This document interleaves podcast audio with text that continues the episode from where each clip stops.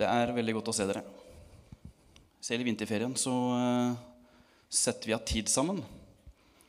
Eh, og det er, eh, tror jeg er en veldig, veldig god ting som Gud har gitt oss, menigheten.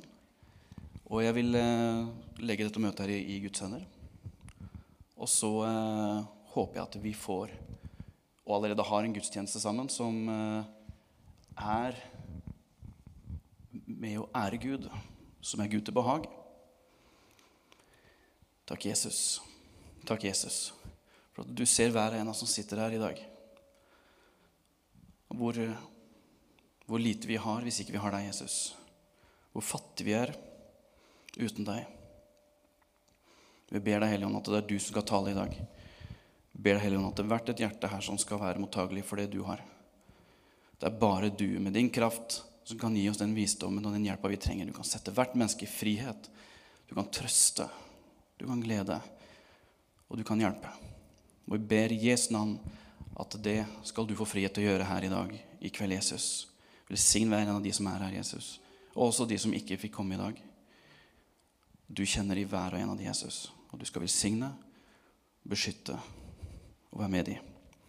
I Jesu navn. Ja Menighet, det er nesten en egen vitenskap, tror jeg. Det er i stunder hvor man kanskje kunne klart seg føler man sjøl uten. Og helst skulle vært uten. Og så er det andre ganger det er det viktigste du kan ha i livet ditt. Og jeg tror ikke det er tilfeldig at Gud har lagd det sånn. Jeg tror ikke det er sånn at eh, det har bare gått seg til at mennesker har funnet ut at ja, vi får bare være litt sammen. da, Så er det noen som har funnet ut at nei, men jeg passer best aleine. Gud har vært veldig tydelig. At han oppretta menigheten her eh, på jorda. Han sa det helt klart til Peter at på denne steinen så skal jeg bygge min menighet. Eh, så vi trenger hverandre. Vi trenger dette her. Og vi trenger også hverandre i hverdagen. Eh, og jeg kjenner at jeg er veldig takknemlig for at jeg er satt i en menighet. Jeg kjenner at jeg er heldig som har en menighet rundt meg. Men så er det sånn også at menigheten den består jo av mennesker. Det tror jeg vi har merka. Jeg vi har merka at menigheten består av mennesker. Og hvordan har man merker det? Jo, først og fremst fordi at vi ser hverandre. Jeg ser at dere er, dere er mennesker. Men ikke minst så opplever vi det på den måten at eh, på tross av at Gud har satt menigheten her sånn, så opplever jeg fortsatt noen ganger å bli skuffa. Jeg opplever også noen ganger at jeg ikke blir helt tilfreds. Og så opplever jeg til og med noen ganger, til og med i en menighet, ensomhet. Sorg. Og hvordan kan det bevise at, er, at det er mennesker i menigheten? Jo, fordi det er ikke frukt av Den hellige ånd. Det er ikke Guds rike når man opplever de tingene der sånn. Gud ga oss ikke frykt, frykt fry, eh, Han ga ikke en ånd av frykt. Så det er ikke av Gud. Hva kan det være da? Jo, det er selvfølgelig den onde, men igjennom mennesker. Og som, hva, Hvorfor sier jeg dette her sånn? Jo, fordi eh, jeg har, jeg har kjent det, spesielt opp gjennom menighetslivet mitt, at uh, jeg blir så lei meg de gangene jeg blir skuffa. Og enda vondere er det de gangene jeg blir skuffa over mennesker i menighet. Og, og, det gjør jeg over tid. Og noen ganger blir jeg skikkelig skuffa. Og noen ganger blir jeg helt sånn der, Det kan ikke stemme at det har skjedd. Men så kjenner jeg etter hvert også at jeg begynner å få en litt fred over det. Fordi at Å ja, for Gud, han er fortsatt den samme selv om jeg blir skuffa over kristne. Å ja. Så menigheten, den er jo feilbarlig. Selv om Gud ikke er det. Så mennesker er fortsatt mennesker. Ok, greit, Men det er jo faktisk nesten godt å vite, for da slipper jeg å være perfekt sjøl. Ja, vi skal hjelpe hverandre. Vi skal minne hverandre. Vi skal oppmuntre hverandre, vi skal formane hverandre til og med. Og formaning kan være alltid fra trøst til kanskje til og med rettesettelse noen ganger.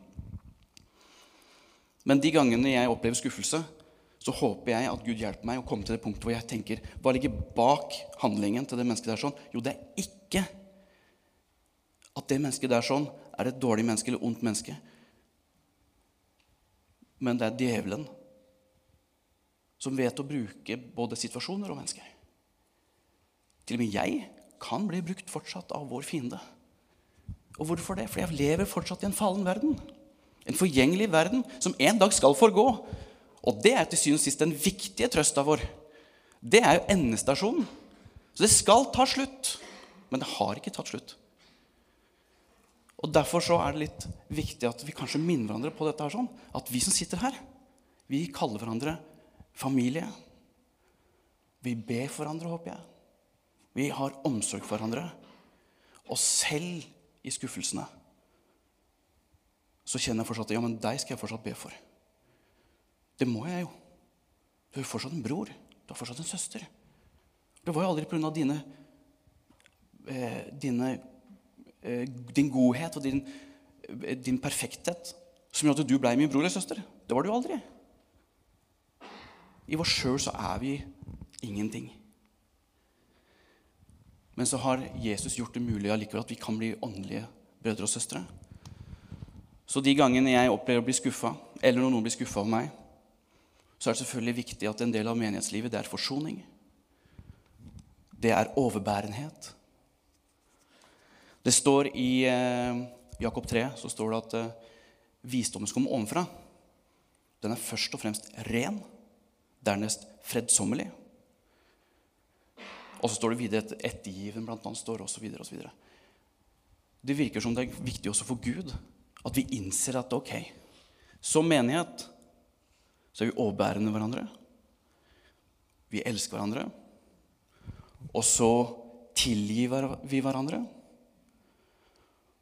Og om det er noe som faller, så har jeg såpass omsorg at vi, jeg ber for personen. Kanskje til og med, hvis det er egentlig opp til meg, hvis jeg er en av hans nærmeste eller hennes nærmeste, så er jeg der for det mennesket. Og så er det ikke opp til meg å heve meg over. Sannsynligvis så er den synd som du begår i det du hever deg over det mennesket som har falt, det er minst like ille. Vi er fulle av feil og mangler alle sammen her, men vi har en frelser som er feilfri. Og Gud ser oss igjennom han. Og dermed så er vi helt fri. Vi er helt rene. Jeg har en sånn situasjon, kall det situasjon på jobb, eller heller sånn opplevelse på jobb for tida. At jeg opplever meg som eh, ikke der jeg burde ha vært. Jeg har en kollega som mine kollegaer eh, snakker så veldig godt om. Og jeg også, inkludert. Jeg snakker veldig godt om han. Han gjør så utrolig mye godt for andre mennesker. Han er ekstremt eh, glad i og, og, tilgjengelig for barna. Han jobber i barnehage, han jobber på SFO. Og, og, unger som kjenner han fra de forskjellige barnehagene de har gått i, de løper bort til ham og gir en klem, og de er kjempeglade i ham. Og så har han også i siste så har han tatt til seg en gutt og har blitt fosterforelder. Og han er eh, på min alder, men ugift. Han er ikke kristen. Men han, også måten han er på rundt oss, han framstår som et utrolig godt medmenneske. Hey, der har du inspeksjon. Jeg kan gå ut og ta inspeksjon for deg. For jeg har egentlig ikke inspeksjon. så det går fint, det kan jeg gjøre. Du møter ikke noen av mine kollegaer eller meg som gjør det. altså. Ikke uten at jeg skal få noe igjen for det. Og så kommer jeg til et punkt hvor jeg tenker at eh, sånn som vi snakker om han, sånn skulle egentlig mine kollegaer snakke om meg. Og jeg har egentlig ikke noen unnskyldning, egentlig. Fordi at jeg tjener jo Gud. Og han kan gjøre langt mer enn det vi ber og forstår, i den kraft som er virksom i meg. Det står der. Da er det sant, da. Og så likevel så snakker vi om han. Og så kan man si ja, er det misunnelse? Nei, jeg håper ikke det. Det er heller en sånn følelse at Jesus, jeg skulle så ønske at fordi folk vet at jeg er kristen, at jeg følger deg, så skulle jeg allikevel, kanskje til og med på tross av alle fordommer, skulle jeg sagt at men han Idar Bare fordi at han gjør det han gjør, så må jeg nesten stille meg spørsmålet finnes det en Gud. For han er jo så god. Utrolig tålmodig. Integritet. Men så tror jeg ikke helt at det er sånn. Så sitter jeg heller og snakker om, om en ikke-kristen. Jeg sa det til og med til kollegaene at jeg har kommet nesten til det punktet at siden han oppleves som så god, så er det sånn at jeg får plutselig en litt dårligere sak. Jesus er den samme. Men jeg, som du vet er en kristen, jeg skulle ha representert noe bedre. Men så gjør jeg ikke det. Og så, så tenker jeg at ja, ok, men i der nå pålegger du deg sjøl litt vel mye. Eh, nei, jeg gjør ikke det. Jeg pålegger ikke meg det, for jeg ligger ikke og griner om natta over at jeg skulle vært mye så mye bedre. Det det gjør, er at det trigger noe i meg. For at Jesus skal være synlig gjennom meg. Og hvis han ikke fortsatt er det, så må jeg bare lengte etter mer av det. Og så tenker man at ja, dette her er umulig, det du snakker om i der. For noen er bare født og lært opp til å bli fantastiske medmennesker. Ja, det er riktig at noen har større kapasitet enn andre. Av forskjellige årsaker. Det er ikke noe vits å diskutere hva som gjør det engang. Om det er gener, eh, kultur, oppdragelse. Det er ikke nødvendig. For det er det jeg forholder meg til Guds ord. Men vi har allikevel en beretning i, i, Bibelen som sier noe om dette her. sånn. De fleste av oss kjenner jo denne mannen, denne unge mannen som kommer til Jesus og sier at hva skal jeg til for at jeg kan arve Guds rike? Vi kan lese det sammen. Vi kan slå opp i Markus 10.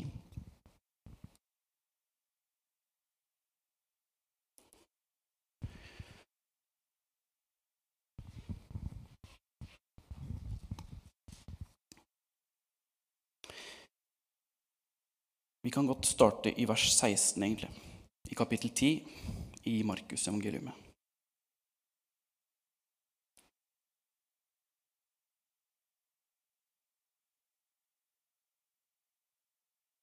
Ja, jeg kan starte fra vers 17.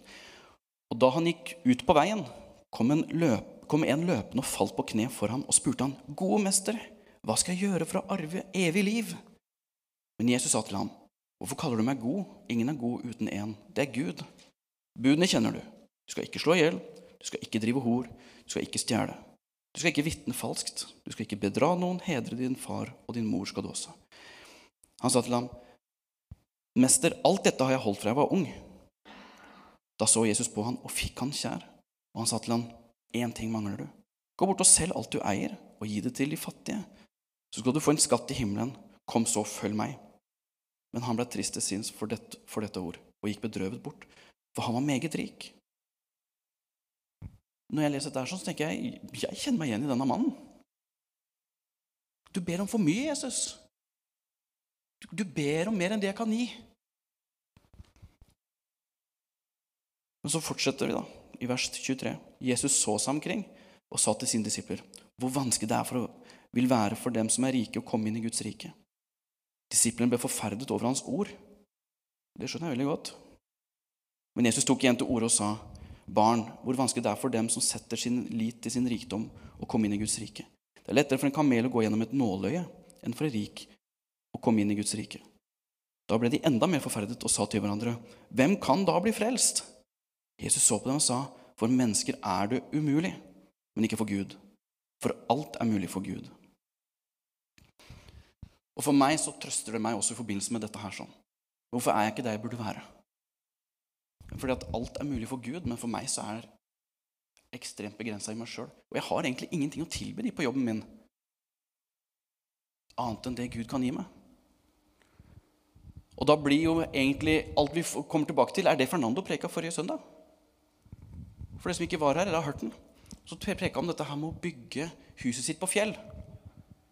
Og hva er fjellet, da? Det er jo selvfølgelig Jesus Kristus som grunnmur. Det er han som er fjellet vi bygger på. Og på den måten så kan Jesus fylle meg. På den måten kan Jesus bruke meg. Det er Guds nåde det at vi kan brukes av Gud. Og Derfor så håper jeg ikke det er misunnelse som gjør at jeg har lyst til å bli snakka om sånn som han. Nei, for at jeg har et ønske å ære Jesus. Og hvilken ære det er for Jesus og mine kollegaer snakka om meg som et godt menneske. Og ja, fordi at han er kristen, han. Og så er det egentlig Jesus de får øynene opp for. Så er det egentlig Jesus de kjenner at det, dette her må jeg ha del i. Det er det som er budskapet jeg skal bringe med meg på jobb, hjemme, uansett hvem jeg, hvem jeg er sammen med. Og vi sammen som menighet Ikke minst. Og Dette blir sitert veldig mye i, i menigheten. Jeg vet ikke om dere har merket til det, Men det blir veldig mye sitert det Jesus sa til disiplene. At på den måten som dere elsker hverandre, så skal verden se at dere er mine disipler. Vi er blitt gitt et enormt ansvar. Når Fernando preker om at dette å bygge huset sitt på fjell, og at det faktisk er frelse av nåde. Det er en gave. Men at det blir da en åndens frukt ut ifra den relasjonen jeg har til Jesus. Det må være en konsekvens. Hvis ikke så vil jo jeg bare holde dette talentet for meg sjøl. Og for det som kjenner historien om disse talentene som ble gitt til disse tjenestemennene Det ble fem til den ene, tre til den andre, og så den tredje fikk den ene. Og begge de to andre de gjorde, de gjorde fortjenesta av de. De dobla talentene sine. Men han siste han gravde det ned. Og Da sier Jesus noe som burde riste oss litt. Han sier at de som ikke har noe, skal til og med bli tatt fra det de ikke har. Det burde vært et alvor i vår menighet, og i meg og i hver og en som sitter her. Om du har kjent Gud bare en liten stund, eller om du har kjent den i mange år, så trenger vi å bli minnet på dette her sånn, at vi, vi er Guds ambassadør her på jord. Så det er kanskje ikke likegyldig hvordan jeg lever livet mitt, da. Det er ikke likegyldig. Er det ikke nåde over nåde? Kan jeg ikke omtrent leve som jeg vil? Jeg kan jo bare be om tilgivelse rett før jeg dør, og så er jeg sikra. Det er ikke helt sånn jeg leser det her. Ja, men jeg har vært pastor i mange år, Idar, så du har ikke peiling på hva du snakker om. Når jeg leser videre fra denne lignelsen om talentene, og vi hører om disse sauene og geitene som deles, så sa han ikke det at fordi du har vært pastor, så er du blant de utvalgte, blant sauene. Nei, han sa når jeg var tørst, så ga du meg å drikke. Når jeg var kald, så ga du meg klær. Han nevner ikke tjenesten. Det er sånn at Når jeg står her og så forkynner, så er det en sånn greie med at det, det, er en av tjenestene man har lett for å snakke litt sånn stort om. Det er mye fokus på meg når jeg står her oppe. Det er mye fokus på de som har en lovsangstjeneste, eller de som generelt har en scenetjeneste. Men midt oppi dette her, om vi er kalt til å vise Jesus fram for mennesker, så kan vi også lese hva Paulus skriver til galaterne, da. kapittel 3.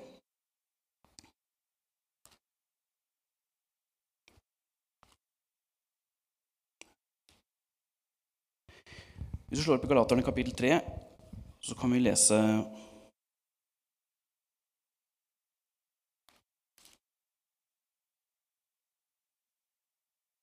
Vi kan godt lese fra vers 26.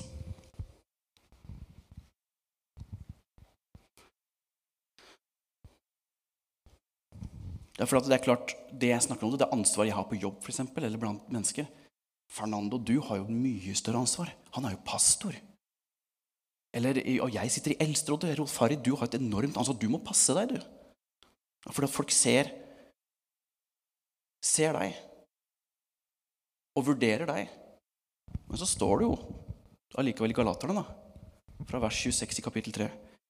Alle er det jo Guds barn ved troen på Kristus Jesus. Troen på Kristus Jesus. For dere, så mange som er døpt til Kristus Jesus, har ikledd dere Kristus. Her er ikke jøde eller greker. Her er ikke trell eller fri. Her er ikke mann og kvinne. For dere er alle én i Kristus Jesus. Og hører dere Kristus Jesus til, da er dere Abrahams ett og arvinger ifølge løftet.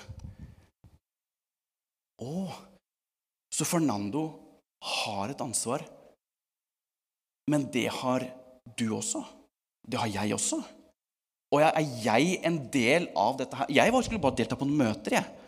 Jeg skulle bare hjem etterpå snakke om prekena. At nei, da syns jeg han var litt fomlete. Eller i dag syns jeg det var litt lite snert. Eller eh, jeg skulle ønske han brukte Det gamle testamentet litt mer når han forkynte. Det, det var jo det som var min rolle i menigheten. Jeg har ikke hatt tjeneste på en stund, jeg. For jeg har så mye annet å gjøre. Ok, greit. at du ikke har tjeneste i menigheten. Jeg sier ikke at det, det er noe alle skal ha. Men hvis holdninga di er likevel at ja, søndager er møtedag, så jeg kommer på møte Det er klart det. Jeg har gjort det i mange år. jeg. Som søndag er gudstjenestedag. Og det gleder jeg meg til, for da får jeg høre Guds ord. Men så er det noen ganger jeg blir skuffa for at forkynnelsen er ikke alltid helt sånn som jeg hadde trodd. Men nei, nei. Paulus sier at det her er ikke engang trell eller fri.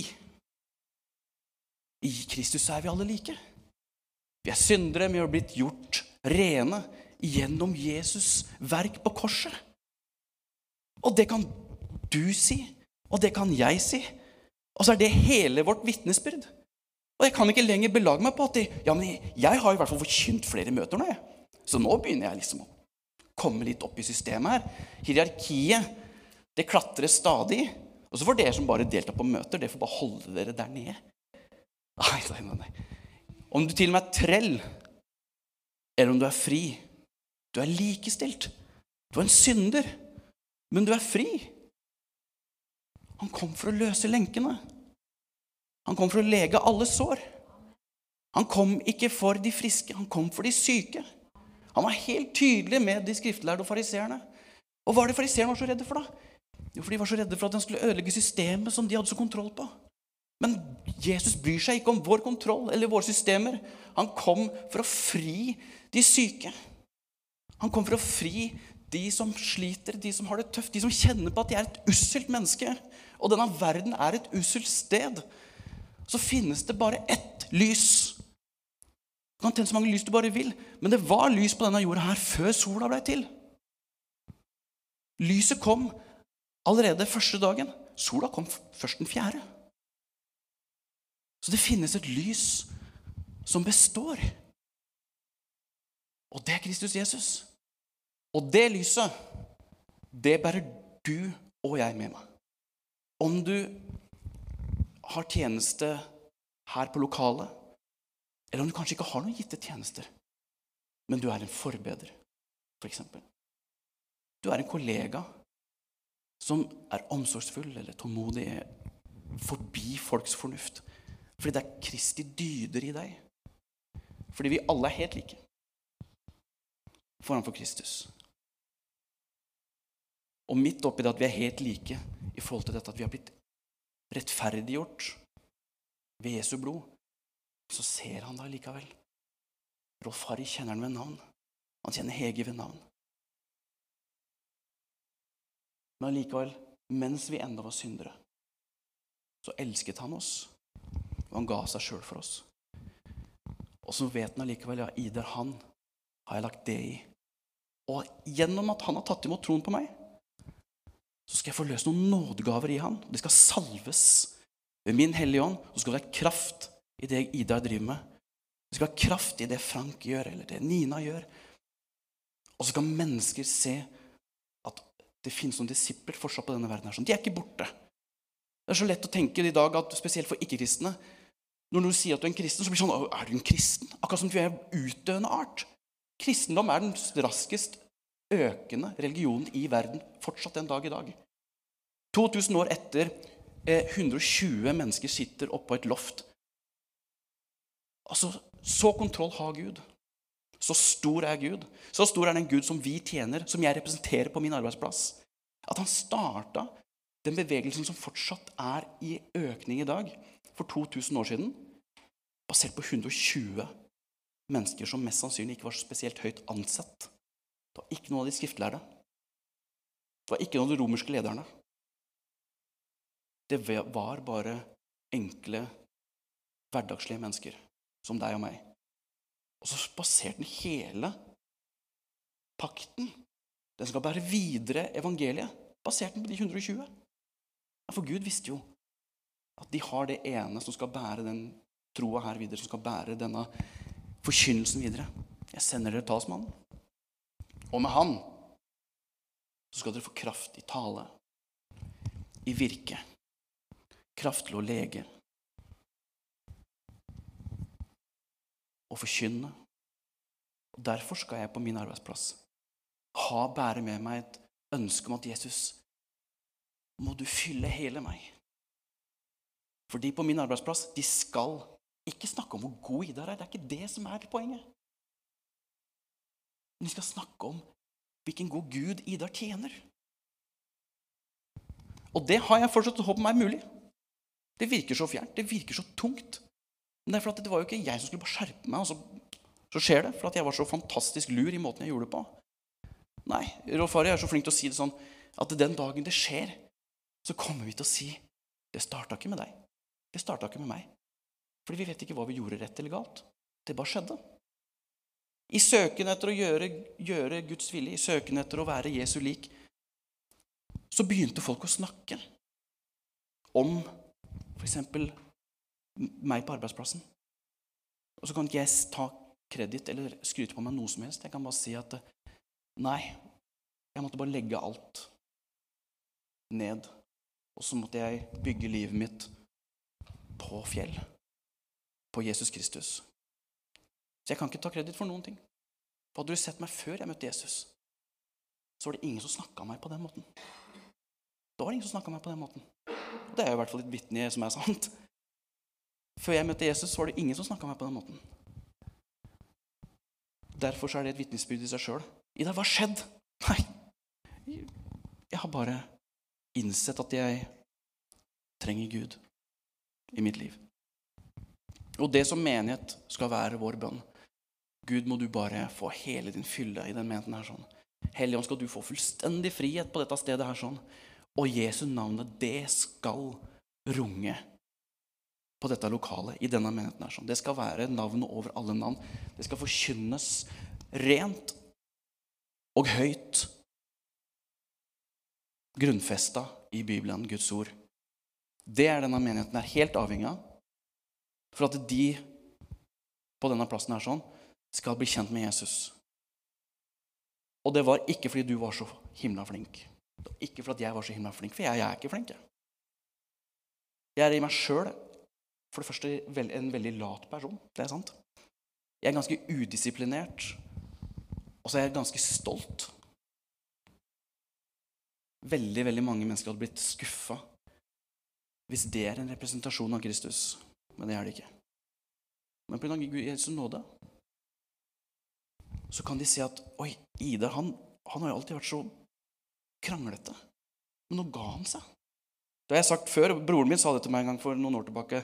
For at Jeg har diskutert med en annen bror, og vi, vi elsker å diskutere i min, min familie. Spesielt brødrene i min familie er helt ekstreme. Vi, når vi, vi, kan bite oss bare en sånn liten detalj, så er vi Da er det tut og kjøre derfra. Eh, til det punktet hvor liksom spesielt de som ikke bryr seg, de sitter der bare Kan dere være så snill gå et annet sted, for dere bråker så. Og så gjorde vi det. Jeg var på besøk hos storebroren min, og så var det to andre brødre der, sånn, og så diskuterte vi. Og så gikk jeg etterpå, for jeg fikk veldig dårlig snitt, og så gikk jeg etterpå og beklaga. Og da sa en annen bror, han som bare var holdt jeg på å si, publikum til denne diskusjonen her sånn Idar, dette har du aldri gjort for noen år tilbake. Og det stemmer på en prikk. Hva er grunnen til at du plutselig blir om unnskyldning? Nei, det, jeg har ikke bestemt meg for at jeg skal bli så flink til å unnskylde. Men Helligånd tar tak i meg. Og så fikk jeg dårlig samvittighet. Jeg klarte ikke å la det være. Og så var det jo ikke Idar som ba om unnskyldning. Da Da var det Den hellige ånd. da. Og det er menighetens vitnesbyrd. Ja, dere er så gode i menigheten deres. Nei, nei, det er én som er god, og det er Faderen, sier Jesus. Til og med han måtte arrestere dem på hvem er som er god. Da må jo i hvert fall vi gjøre det. Ja, du kaller meg god? Nei, det skjer ikke. Hadde du sett meg for ti år siden, ikke snakk om. Du hadde snudd deg og gått. Så jeg takker Gud for at uh, han er så god mot oss at av våre feil og mangler så han satt oss sammen til en menighet som attpåtil skal ta og videreformidle Jesus som døde på korset. Ikke bare det, Han sa dere skal, ikke bare skal dere gjøre mine gjerninger, dere skal gjøre større gjerninger enn det jeg gjorde. Og da har han lagt på mennesker. Og Derfor så tenker jeg at det er i hvert fall ikke opp til meg å bli skuffa over mennesker og fordømme dem fordi de gjorde feil, eller fordi de ikke gjorde ting sånn som jeg mener de burde gjøre det. Fordi jeg skuffer jaggu jeg òg, altså. Til syvende og sist så er det bare en påminnelse om at oh ja, vi er feilbærlige mennesker som trenger Jesus Kristus fortsatt den dag i dag. Og ikke bare for 20 år siden da jeg ble frelst, eller 40 år siden da jeg ble frelst. eller Du trenger det i dag, du trenger det i morgen. Du trenger det flere år. Til den dagen du er ferdig på denne jord. Så er Jesus grunnmuren og fjellet vi skal bygge vårt hus på. Som menighet og som enkeltindivider. Skapt og kalt av den levende Gud. Takk, kjære Jesus, for at du har en så enorm, tillit til mennesker.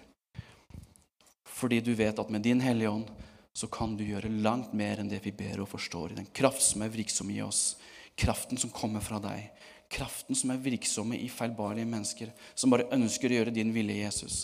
Se vår menighet, Jesus. Se menneskene som sitter her, Jesus. Takk for at det er mulig for oss å gjøre, gå i ferdelagte gjerninger som du på forhånd har gjort rede for oss, sånn at mennesker skal se at du er verdens frelser. Du er i går og i dag den samme, ja, til evig tid. Og det finnes en trøst. Det finnes et håp for framtida. Om det ser aldri så mørkt ut, så vet vi at ditt verk, det er fullbrakt. Og det finnes en glede der framme som vi som allerede kjenner deg, Jesus, vi skal trøste hverandre med og som vi som allerede kjenner deg, skal hjelpe andre å få vite om. Vi skal vitne om deg, Jesus, med fremodighet og med tro og i kraft i Din Hellige Ånd. På arbeidsplasser, blant venner, familie, og der du sender oss. Gjennom tjenester eller gjennom hverdagen. Du bruker enhver situasjon sånn som du vil, Jesus. Hjelp oss så vi stiller oss helt tilgjengelig for deg og legger ned alt vårt eget, så du kan ta plassen der du hører hjemme. Takk, Jesus. Takk for at vi kan tjene deg. Takk for Betanias Atelle. Må du virkelig se med nåde til oss, Jesus.